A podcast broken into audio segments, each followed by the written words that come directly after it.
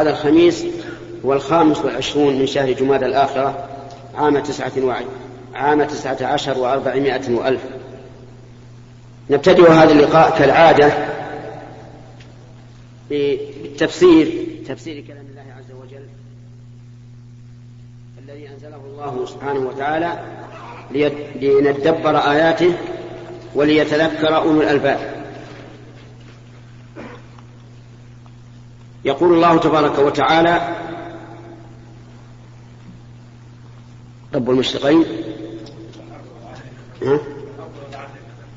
يقول الله عز وجل والأرض وضعها للأنام.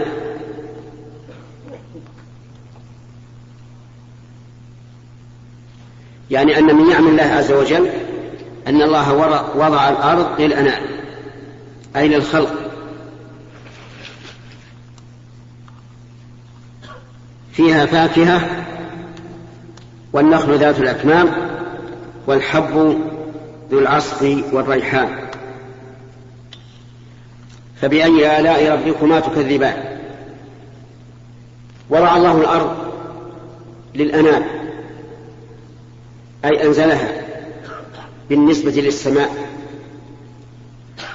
والأنام هم الخلق ففيها الإنس وفيها الجن وفيها الملائكة تنزل بأمر الله عز وجل من السماء وإن كان مقر الملائكة في السماء لكن ينزلون إلى الأرض. مثل الملكين اللذان عن عن اليمين وعن مثل الملكين اللذين عن اليمين وعن الشمال قائم. والملائكة الذين يحفظون من أمر الله المعقبات. والملائكة لتنزل في ليلة القدر وغير ذلك. فيها فاكهة أي في الأرض فاكهة أي ثمار يتفكه بها الناس وأنواع الفائكة كثيرة كالعنب والرمان والتفاح والبرتقال وغيرها.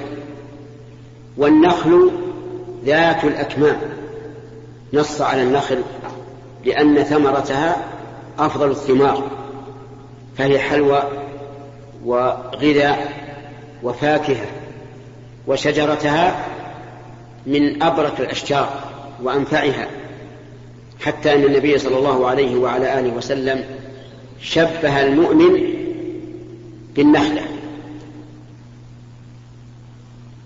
بل شبهها أي النخلة بالمؤمن. فقال إن من الشجر شجرة مثلها كما ابط شوي حتى توازن يا جماعة إن في إن من الشجر شجرة خلوكم برا. يعني في ما تسمعون؟ عندكم طيب. إن من الشجر شجرة مثلها مثل المؤمن. فخاض الصحابة في في في, في الشجر حتى أخبرهم النبي صلى الله عليه وعلى آله وسلم أنها النخلة. وقول ذات الأكمام جمع كم؟ وهو غلاف الثمرة. فإن ثمرة النخل أول ما تخرج يكون عليها كم قوي. ثم تنمو في ذلك الكم حتى يتفطر وتخرج الثمرة. والحب ذو العصف والريحان. الحب يعني الذي يؤكل من الحنطة والذرة والدخن والرز وغير ذلك. وقول ذو العصف يعني ما يحصل من ساقه عند يبسه وهو ما يعرف بالتبن لأنه يعصف أي تطأه البهائم بأقدامها حتى ينعصف. والريحان هذا الشجر ذو الرائحة الطيبة. فذكر الله في الأرض الفواكه والنخل والحب والريحان. لأن كل واحد من هذه الأربع له اختصاص يختص به وكل ذلك من أجل مصلحة العباد ومنفعتهم. فبأي آلاء ربكما تكذبان الخطاب للجن والإنس والاستفهام لل... للإنكار أي أي نعمة تكذبون بها؟ خلق الإنسان من صلصال كالفخار وخلق الجان من مارج من نار. خلق الإنسان يعني جنسه من صلصال والصلصال هو الطين اليابس الذي له صلصلة أي صوت عندما تنقره بظفرك يكون له صوت. كالفخار هو الطين المشوي وهذا باعتبار خلق آدم عليه السلام. فإن الله خلقه من تراب من طين من صلصال كالفخار من حمأ مسنون. كل هذه أوصاف للتراب ينتقل من كونه ترابا إلى كونه طين إلى كونه حمأ إلى كونه صلصال إلى كونه كالفخار. حتى إذا استتم نفخ الله فيه من روحه فصار آدميا. وخلق الجان وهم الجن من مارج من نار. المارج المختلط الذي يكون في اللهب. إذا ارتفع صار مختلطا بالدخان فيكون له لون بين الحمرة والصفرة فهذا هو المارج. من نار. وأيهما خلق أولا؟ الجان. خلق قبل الإنس. ولهذا قال إبليس لله عز وجل أنا خير منه خلقتني من نار وخلقته من طين. وخلق الجان من مارج من نار فبأي آلاء ربكما تكذبان؟ أي بأي نعمة من نعم الله تكذبون؟ حيث خلق الله عز وجل الإنسان من هذه المادة والجن من هذه المادة. وأيهما خير التراب أم, النار؟ التراب خير لا شك فيه ومن أراد أن يطلع على ذلك فليرجع إلى كلام ابن القيم رحمه الله في كتابه إغاثة اللهفان من مكائد الشيطان. رب المشرقين ورب المغربين. يعني هو آه، رب هذه خبر مبتدأ محذوف التقدير هو رب المشرقين ورب المغربين. يعني أنه مالكهما ومدبرهما. فما من شيء يشرق إلا بإذن الله ولا يغرب إلا بإذن الله. وما من شيء يحوزه المشرق والمغرب إلا لله عز وجل.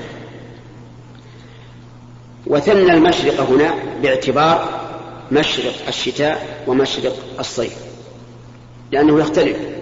فالشمس في الشتاء تشرق من من أقصى الجنوب وفي الصيف بالعكس.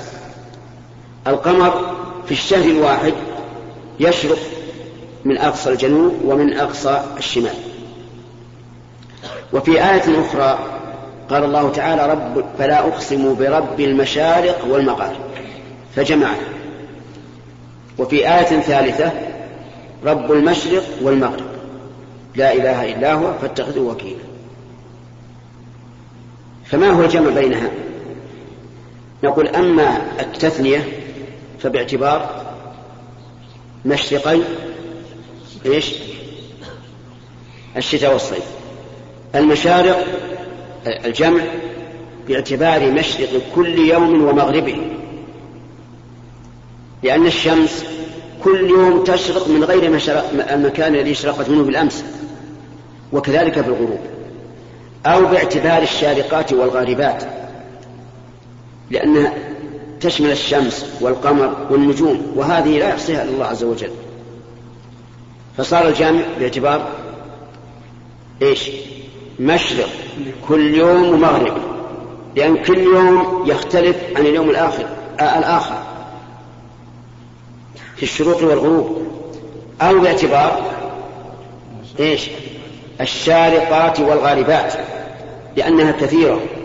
الشمس والقمر والنجوم من يحصيها؟ لا يحصيها إلا الله عز وجل. أما قوله رب المشرق والمغرب فباعتبار الناحية لأن النواحي أربع مشرق ومغرب وشمال وجنوب. والجمع هنا سهل ويسير ليس فيه صعوبة فنقول المشرقين والمغربين. التثنية باعتبار يا اخوان مغربي الشمس مغربي الشتاء والصيف ومشرقي الشتاء والصيف. طيب الجمع. إما باعتبار مشرق الشمس كل يوم ومغربها كل يوم وهذا يختلف. ولا يخفى عليكم الآن كيف تجدون الشمس. يتغير طلوعها وغروبها كل يوم. لا سيما عند تساوي الليل والنهار. تجد الفرق دقيقة أو دقيقة ونصف بين غروبها أمس واليوم. طيب. أو باعتبار الشارق والغارب. والشارقات والغاربات كثيرات. لا يحصيها إلا الله عز وجل. الإفراد باعتبار الجهة. لأن الجهات أربع مشرق ومغرب وشمال وجنوب. رب المشرقين ورب المغربين فبأي آلاء ربكما تكذبان؟ أي بأي شيء من من آلاء من نعم الله تكذبان؟ أي يا معشر الجن والإنس؟ فما جوابنا على هذه الاستفهامات في هذه الآية كلها؟ جوابنا ألا نكذب بشيء من آلائك يا ربنا. ولهذا ورد حديث في إسناده ضعف أن النبي صلى الله عليه وسلم لما تلاها على الصحابة كانوا يستمعون إلى إلى قراءة النبي صلى الله عليه وعلى آله وسلم ولا يردون شيئا فقال كلمة معناها أن الجن خير من ردا منكم فإنهم كانوا كلما قرأ آية قالوا لا بشيء من من آلائك ربنا نكذب. لكن هذا الحديث ضعيف إنما يذكره المفسرون هنا. ما هي النعم والآلاء في المشرق في المشرقين والمغربين؟ يعني انتبهوا كل آية أعقبت فبأي آلاء ربكم تكذبان؟ فهي نعم عظيمة تتضمن نعم عظيمة. فما النعم التي يتضمنها اختلاف المشرق والمغرب؟ النعم ما يترتب على ذلك من مصالح الخلق. صيف شتاء ربيع خريف وغير ذلك مما لا نعلمه. فهي نعم عظيمة باختلاف المشرق والمغرب. ثم قال سبحانه وتعالى مرج البحرين يلتقيان. مرج بمعنى أرسل. البحرين يعني المالح والعذب. يلتقيان يلتقي بعضهما ببعض. البحر المالح هذه البحار العظيمة. البحر الأحمر البحر الأبيض البحر الأطلسي. البحار هذه كلها كلها مالحة. وجعلها الله تبارك وتعالى مالحة لأنها لو كانت عذبة لفسد الهواء. وأنتن لكن الملح يمنع الإنسان والفساد. البحر الآخر البحر العذب وهو الأنهار. الأنهار التي تأتي إما من كثرة الأمطار وإما من ثلوج تذوب وتسيح في الأرض.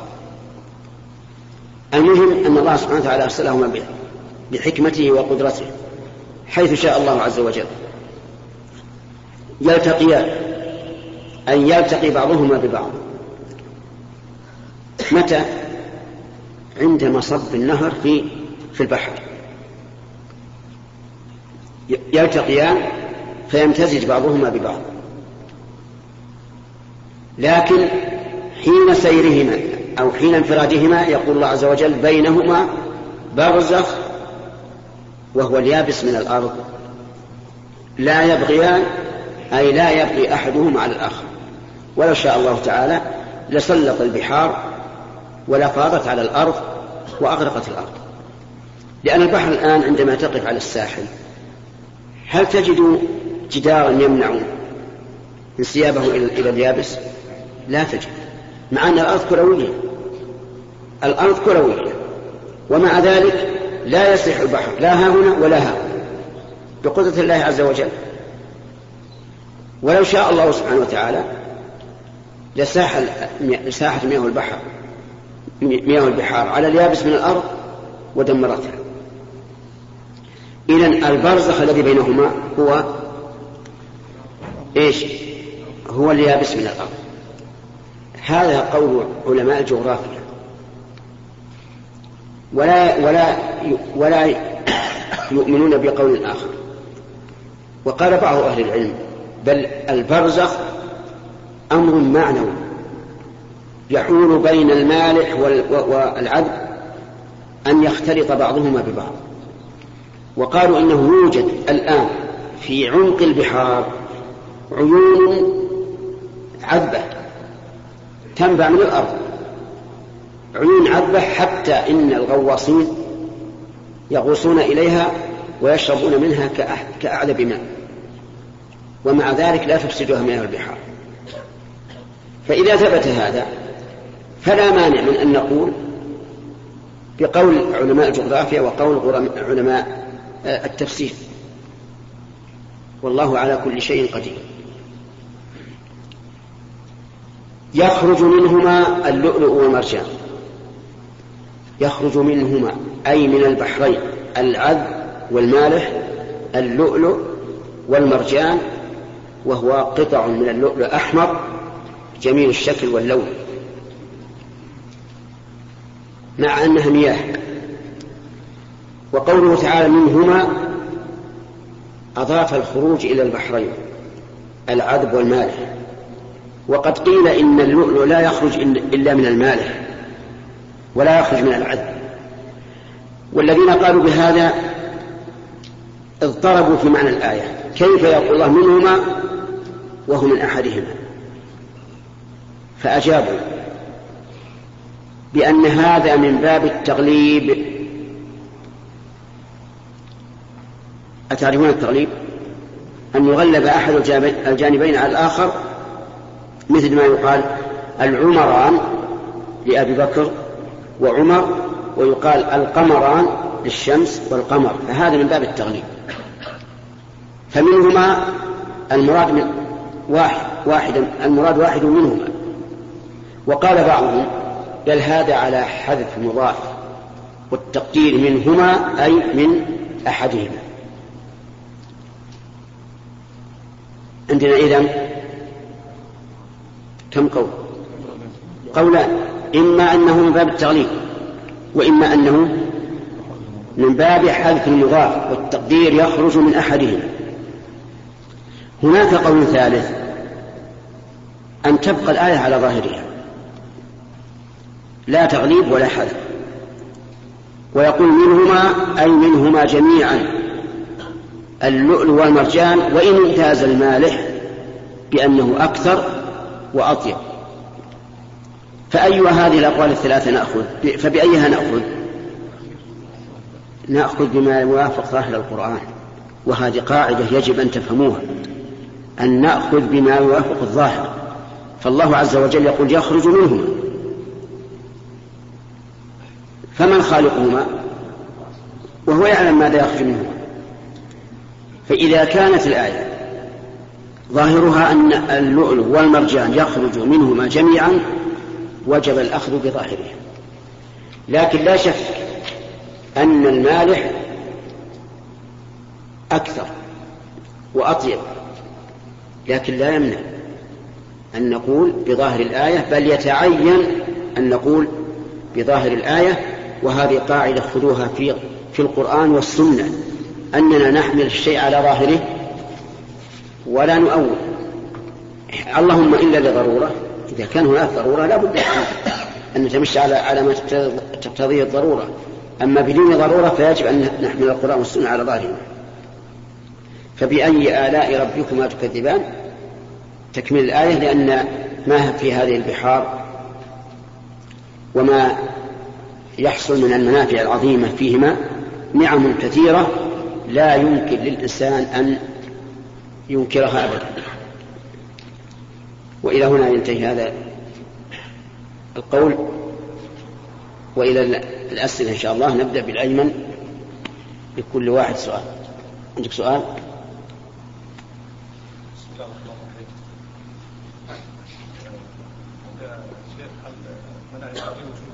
هل؟ الملائكة فيهم لا إله إلا الله. يسأل هل الملائكة فيهم سود الوجوه؟ سؤال لا ينبغي سؤال تعمق تنطع. وقد قال النبي صلى الله عليه وسلم هلك المتنطعون. وسأعطيك يا أخي قاعدة لكم جميعا. أمور الغيب لا تسأل عنها. لا تسأل عنها. اقتصر على ما سمعت وبلغك من الوحي واترك الباقي. أفهمت؟ يسأل بعض الناس هل, هل الملائكة فيهم ذكور وإناث ولا ذكور فقط ولا إناث فقط؟ هذا سؤال ذا وش عليك منهم؟ والقاعدة للمؤمن الذي يريد أن يرتاح ويريح ويتأدب مع الله ورسوله أن لا يسأل عن شيء من أمور الغيب يؤمن بها كما جاءت ولذلك لو كان هذا السؤال فيه خير لكان أول من يسأل عنه الصحابة رضي الله عنهم فهذه الله سؤالك هذا جيد لأن لأننا استفدنا هذه النصيحة. يعني أمور الغيب لا تسأل عنها.